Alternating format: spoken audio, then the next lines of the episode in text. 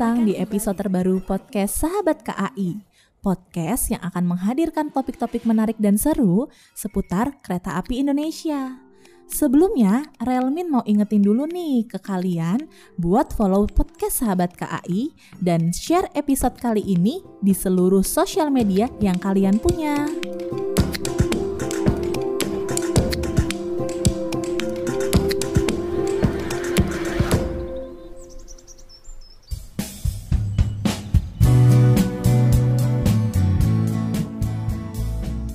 Assalamualaikum warahmatullahi wabarakatuh. Salam sejahtera untuk kita semua. Salam, Om Swastiastu, Salam Rahayu, Namo Buddhaya, Salam Kebajikan. Salam sehat sahabat KI. Senang banget Relmin bisa menyapa kalian kembali di episode kelima podcast Sahabat KAI. Oh iya, saat mendengarkan episode ini, jangan lupa cek postingan di Instagram KAI 121 dengan judul 8 sarana perkereta apian yang jarang ditemui. Biar kalian bisa tahu bentuk-bentuk sarana perkereta apian yang akan Relmin bahas pada episode ini. Episode kelima kali ini, Relmin akan membahas 8 sarana perkereta apian yang jarang ditemui.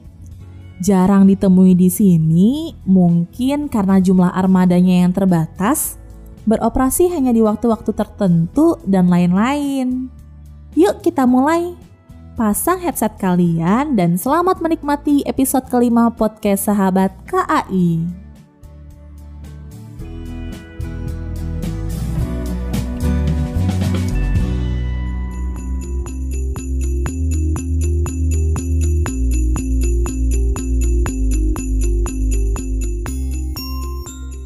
Rail Clinic Rail Klinik adalah nama kereta klinik yang dioperasikan oleh PT Kereta Api Indonesia di Jawa dan Sumatera, bertujuan untuk menyediakan pelayanan kesehatan. Rail Klinik akan memanfaatkan jalur kereta api untuk dapat menembus daerah yang sulit dilalui oleh kendaraan bermotor. Pelayanan kesehatan yang dapat dinikmati masyarakat di dalam rel klinik adalah pelayanan tingkat pertama, meliputi pemeriksaan umum, gigi, kehamilan, serta pelayanan kefarmasian. Untuk mendapatkan layanan kesehatan di rel klinik ini, masyarakat hanya diminta untuk menunjukkan kartu identitasnya kepada petugas. Dalam operasi perdananya ini, PT KAI menyiapkan tim kesehatan yang berasal dari internal pegawai PT KAI. Untuk kemudahan dalam operasi, diperlukan kereta yang tak tergantung lokomotif, sehingga pengaturan operasional rel klinik dapat lebih leluasa. Oleh karena itu, armada yang dimodifikasi oleh tim Balai Yasa untuk pembuatan rel klinik adalah dengan retrofit kereta rel diesel atau KRD. Rel klinik ini juga dilengkapi dengan toilet ramah lingkungan. Rangkaian rel klinik terdiri dari dua kereta yang masing-masing memiliki tata ruang dan jenis pelayanan kesehatan yang berbeda. Dibuatnya rel klinik ini juga sebagai salah satu bentuk dari pelaksanaan program Corporate Social Responsibility atau CSR PT Kereta Api Indonesia. Pada peluncurannya di 12 Desember 2015, juga dilakukan penyerahan piagam Museum Rekor Indonesia atau MURI oleh pendiri sekaligus ketua MURI Jaya Suprana kepada PT Kereta Api Indonesia atas keberhasilannya merancang kereta kesehatan pertama yang diproduksi di Indonesia. Saat ini terdapat empat kereta rel klinik yang tersebar di Jawa dan Sumatera. Sejak awal peluncuran sampai dengan saat ini, rel klinik telah melayani masyarakat di daerah-daerah yang akses kesehatannya masih sulit, sesuai dengan semangat dan latar belakang pembuatannya. Ngomong-ngomong sahabat KAI, di daerah kalian sudah pernah didatangi oleh rel klinik belum?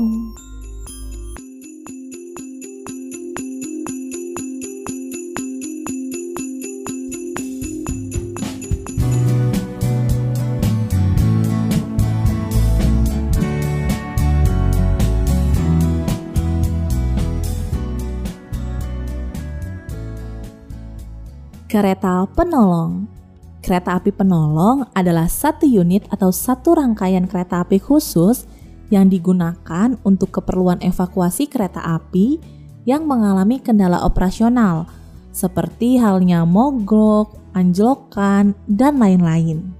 Kereta api penolong dapat berupa derek, kereta rel diesel, maupun kereta konvensional yang dibuat baru dalam bentuk seperti kereta penumpang maupun modifikasi dari gerbong barang. Pada tanggal 19 Maret 2019, di stasiun Bandung, PT Kereta Api Indonesia resmi meluncurkan kereta penolong generasi terbaru. Jika sebelumnya PT Kereta Api Indonesia telah memiliki jenis kereta penolong yang berfungsi untuk melakukan evakuasi sarana kereta api seperti kereta, gerbong, dan lokomotif ketika terjadi gangguan dalam perjalanan, nah kemudian PT Kereta Api Indonesia mengembangkan kereta tersebut menjadi seperti sekarang ini, di mana pada generasi terbaru dilengkapi dengan fasilitas IGD untuk melakukan evakuasi penumpang dan petugas yang mengalami luka-luka.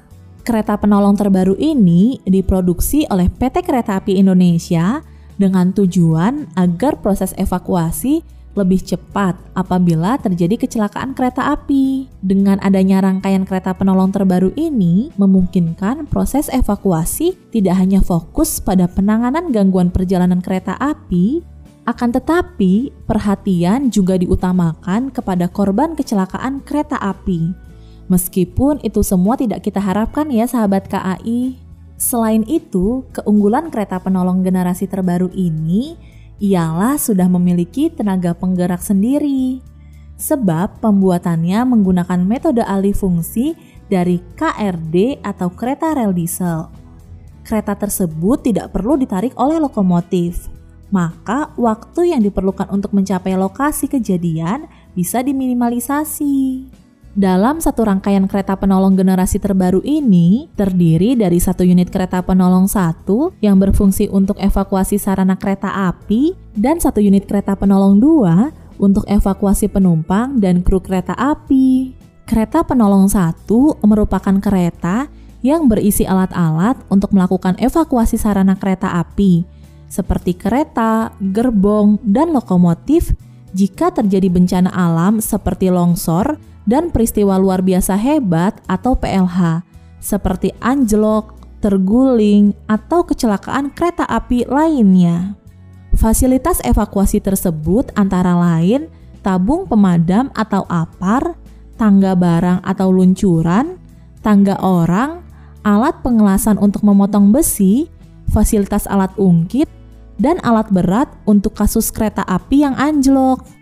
Sedangkan fasilitas di ruang kereta penolong 2 yang berfungsi untuk mengevakuasi korban di antaranya adalah ruang obat, ruang kru medis, ruang tindakan yang berfungsi sebagai tempat melakukan tindakan medis seperti operasi ringan dan sebagainya, ruang resusitasi sebagai tempat untuk memberikan pertolongan pertama kepada orang yang mengalami henti nafas, ruang pasien, gudang alat kesehatan, dan toilet. Dalam operasionalnya, kereta penolong ini tidak dipisahkan. Namun, saat proses evakuasi, antara kereta penolong satu dan kereta penolong dua bisa dipisahkan.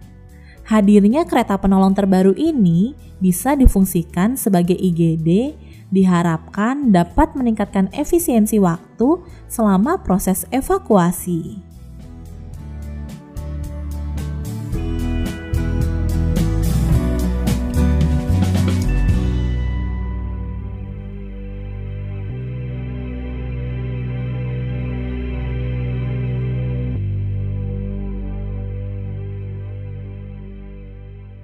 Mesin perawatan jalan rel atau MPJR. Sahabat KAI, singkirkan dulu ya gambaran kereta atau gerbong yang biasa terlintas di benak kalian. Karena sarana yang satu ini memiliki bentuk yang jauh berbeda dengan sarana perkeretaapian lain yang sering kalian lihat. MPJR atau mesin perawatan jalan rel adalah sarana perkeretaapian yang fungsinya untuk merawat jalan rel dari segi apa pun. MPJR ini sangat-sangat dibutuhkan keberadaannya di dunia perkeretaapian kalau tidak ada alat ini, mungkin sering terjadi kecelakaan kereta api, seperti roda kereta api yang keluar rel dan sebagainya. Makanya sahabat KAI, jangan heran ya jika MPJR pasti ada di setiap negara yang ada transportasi kereta api. Mungkin hanya nama atau penyebutannya saja yang berbeda.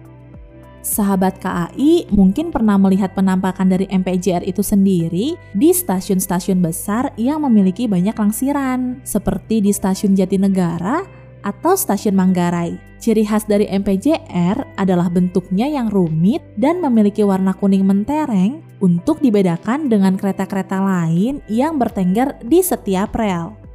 Sahabat KAI tahu nggak kenapa MPJR itu warnanya harus kuning?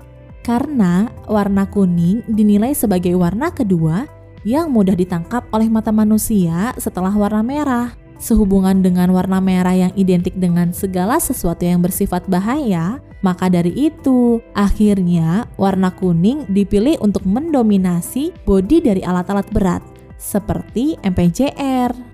Salah satu alasan kenapa sahabat KAI jarang melihat MPJR juga karena kebanyakan MPJR ini beroperasinya di malam hari, sehingga tidak mengganggu jadwal perjalanan kereta lain. Ini juga sebabnya mengapa MPJR itu berwarna kuning agar lebih mudah terlihat saat di malam hari.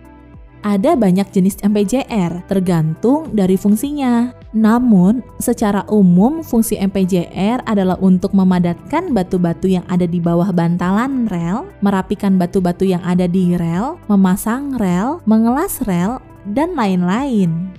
Sementara ditilik dari jenisnya, ada beberapa jenis MPJR, antara lain multi-tie temper untuk memadatkan balas kericak yang berada di bawah bantalan rel, profil balas regulator untuk merapikan balas kericak yang ada di sekitaran rel, flash bed welding untuk mengelas rel, dan balas bed cleaning machine untuk membersihkan semua partikel yang menghambat laju air pada balas kericak agar strukturnya bisa mengalirkan air yang jatuh di atasnya.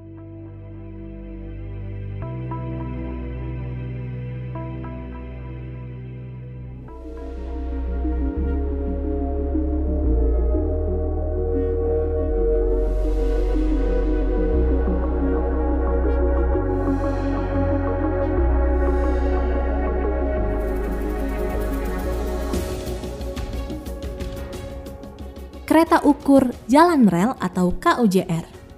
Sahabat KAI, salah satu jenis kereta yang jarang kalian lihat penampakannya adalah kereta ukur jalan rel atau disingkat KUJR. KUJR digunakan untuk melakukan pengukuran jalan rel kereta api dan jaringan listrik aliran atas. Kereta ukur jalan rel atau KUJR adalah kendaraan inspeksi dan pengukuran rel yang berjalan untuk menguji beberapa parameter pengukuran pada lintasan tanpa mengganggu operasional kereta reguler. Kereta ukur jalan rel berdasarkan Undang-Undang Nomor 23 Tahun 2007 tentang Perkeretaapian merupakan bagian dari jenis sarana khusus. Sarana khusus ini melakukan pengukuran terhadap beberapa parameter, yaitu parameter posisi, kelengkungan, kesejajaran batang rel, keluasan jalan rel, kelandaian, peninggian jalan, dan masih banyak lagi. PT Kereta Api Indonesia memiliki KUJR bernama Placer EM120 buatan Austria dengan panjang 12 meter dan lebar 3 meter, KUJR biasanya dioperasikan menjelang momen libur lebaran, Natal, dan Tahun Baru untuk mengetahui kondisi rel dan memastikan keselamatan perjalanan kereta api serta penumpangnya. KUJR akan menyusuri jengkal demi jengkal rel, rata-rata diperlukan waktu 3 minggu untuk menyelesaikan satu siklus pemeriksaan. Selain bertugas saat momen tertentu, Pemeriksaan rel dengan KUJR juga rutin dilakukan setiap enam bulan. Itu karena kondisi rel yang bisa berubah dari bentuk idealnya, karena kerusakan material akibat faktor cuaca. Kereta ukur diawaki empat orang yang terdiri atas masinis, pengolah data, teknisi, dan pemimpin perjalanan. Prinsip kerja kereta ukur adalah mengukur geometri rel dalam empat parameter, yakni pertinggian, angkatan, kelurusan, dan lebar.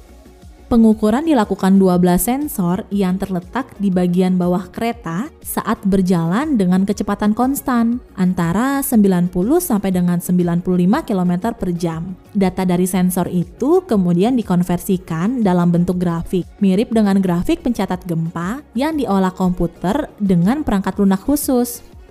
Seluruh data grafik itu kemudian dikonversikan lagi ke dalam nilai-nilai yang disebut dengan track quality index. Dari nilai itu akan diketahui rel mana yang kondisinya layak dan titik-titik mana yang memerlukan perbaikan. Untuk kepentingan dokumentasi dan pencocokan data, Kereta ukur juga dilengkapi dengan dua kamera pemantau CCTV di bagian depan dan belakang. Kamera CCTV ini berfungsi untuk merekam jalur yang nantinya akan dilintasi.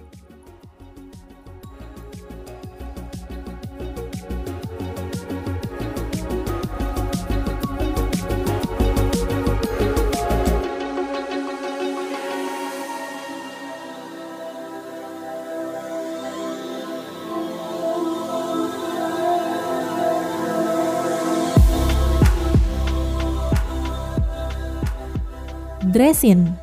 Bentuknya seperti lokomotif, tetapi lebih kecil. Ini mungkin menjadi sarana perkereta apian yang jarang kalian lihat. Tetapi kalau sekalinya ketemu, kalian pasti senyum-senyum sendiri karena bentuknya yang unik dan lucu. Dresin adalah kendaraan angkut dengan penggerak sendiri yang tidak dapat diangkat dari rel di jalan bebas oleh tenaga yang ada pada kendaraan tersebut tidak lebih dari 2 menit. Digunakan untuk memeriksa lintas atau membawa petugas dan atau material kerja. Kecepatan dresin tidak boleh melebihi dari 25 km per jam dan muatan maksimalnya 500 kg. Pembatasan kecepatan ini bukan berarti kemampuan laju yang terbatas, namun menyangkut dengan aspek keselamatan yang harus diperhatikan dan diutamakan.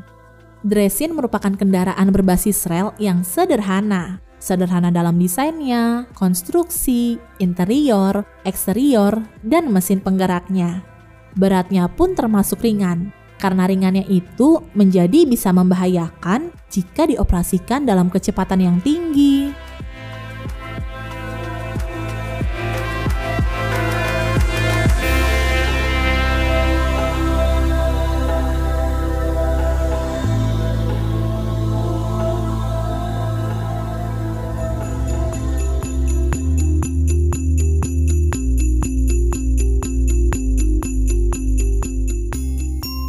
Kereta kedinasan. Kereta kedinasan adalah produk yang disesuaikan dengan desain mewah yang diminta oleh pelanggan. Umumnya memiliki ruang pertemuan yang mewah, ruang tidur, dan ruang makan yang dilengkapi dengan fasilitas hiburan di dalamnya. Jendela dibangun dengan kaca anti peluru untuk memastikan keselamatan penumpang. Kereta kedinasan umumnya dipesan oleh institusi pemerintah kereta kedinasan adalah salah satu sarana yang masuk peralatan khusus. Dikarenakan mempunyai fungsi untuk perjalanan dinas, inspeksi presiden, menteri, tamu negara, dan atau pejabat dengan pengamanan yang baik dan fasilitas mewah. Sarana ini berjalan dengan ditarik oleh lokomotif. Kereta kedinasan ini diproduksi oleh PT Inka pada tahun 2009 dan dimiliki oleh Kementerian Perhubungan. Memiliki ciri khas yang unik dengan dominasi warna putih, hijau, orange, dan hitam. Dengan interior yang bernuansa etnik Kalimantan, kereta kedinasan ini dinamai dari nama-nama sungai yang ada di Kalimantan loh, seperti Barito, Kapuas, Mahakam, Kayahan, dan Martapura.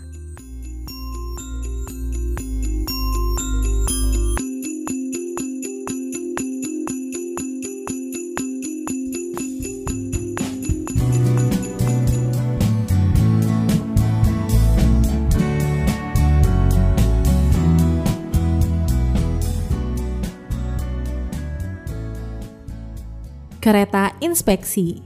Kereta inspeksi adalah sarana kereta api yang digunakan untuk memeriksa lintas, membawa petugas, dan dapat juga membawa peralatan kerja. Keberadaan kereta inspeksi menjadi penting di saat pimpinan kereta api beserta jajaran terkait harus turun langsung ke lintas, memastikan keamanan perjalanan kereta api. Apalagi pada momen-momen tertentu, di mana jumlah penumpang meningkat secara signifikan.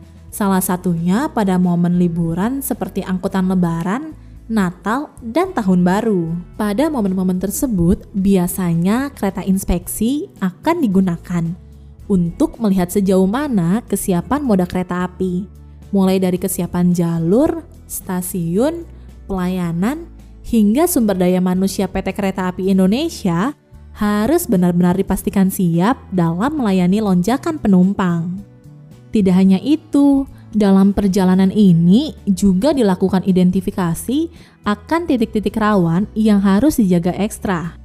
Ini mengingat arus perjalanan kereta api semakin banyak saat momen lebaran, Natal, dan Tahun Baru. Titik rawan yang dimaksud dapat berupa daerah rawan banjir, tanah longsor, hingga pelemparan dan vandalisme. Uniknya nih sahabat KAI, kereta inspeksi ini merupakan modifikasi dari beberapa kereta rel diesel atau KRD lama yang sudah tidak terpakai. Modifikasi ini dilakukan di Balai Yasa. Kereta inspeksi dilengkapi dengan ruang kabin masinis, ruang pantauan inspeksi langsung jalan rel, ruang rapat dilengkapi fasilitas layar pantauan inspeksi jalur rel, toilet, dan ruang panel listrik serta genset.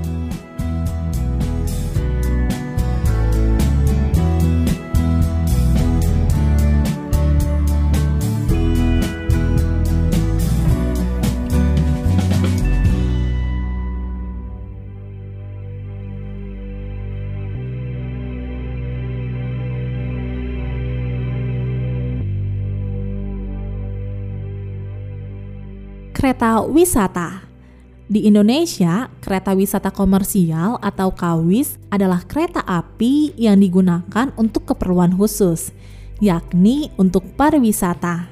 Kereta api wisata komersial di Indonesia dioperasikan oleh anak perusahaan PT Kereta Api Indonesia, yakni KAI Wisata yang dibentuk tahun 2009 kereta wisata ini dapat disewa untuk reuni, gathering, launching produk, bahkan pernikahan loh. Dengan menggandeng sejumlah mitra, KAI Wisata juga menyelenggarakan paket wisata menggunakan kereta api. Juga paket angkutan wisata lanjutan serta layanan penunjang. Kereta wisata ini dapat ditarik dengan kereta api reguler, kelas eksekutif atau kelas ekonomi AC dengan pembangkit berdaya listrik minimal 300 kV ampere maupun dijalankan sebagai kereta luar biasa atau KLB. Ada beberapa jenis kereta wisata yang dimiliki oleh KAI Wisata, antara lain kereta wisata istimewa, kereta wisata Bali, kereta wisata Jawa, kereta wisata Toraja, kereta wisata Imperial, kereta wisata Priority, kereta wisata Nusantara, kereta wisata Sumatera, dan kereta wisata retro. Nah, sejak tahun 2018, beberapa jenis kereta wisata seperti Priority dan Imperial dijalankan bersama dengan kereta reguler loh. Jadi, buat sahabat KAI yang pengen ngerasain sensasi naik kereta wisata, boleh loh kepoin akun Instagram KA Wisata atau websitenya di www www.kawisata.id buat lihat-lihat lebih dekat tentang kereta wisata.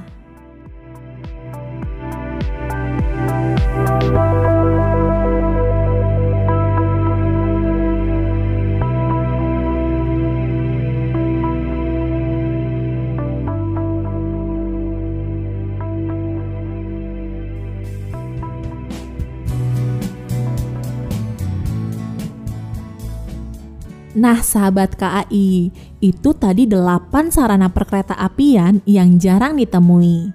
Semoga informasi yang Relmin sampaikan bisa bermanfaat dan menambah pengetahuanmu tentang dunia perkereta apian ya. Jangan lupa tetap semangat untuk menjaga kesehatan dengan disiplin menerapkan 3M, memakai masker, mencuci tangan, dan menjaga jarak. Terima kasih telah mendengarkan episode kelima podcast Sahabat KAI. Jangan lupa buat follow podcast ini di berbagai platform dan share episode kali ini di sosial media kalian ya. Sampai jumpa pada episode-episode selanjutnya dengan topik yang lebih menarik.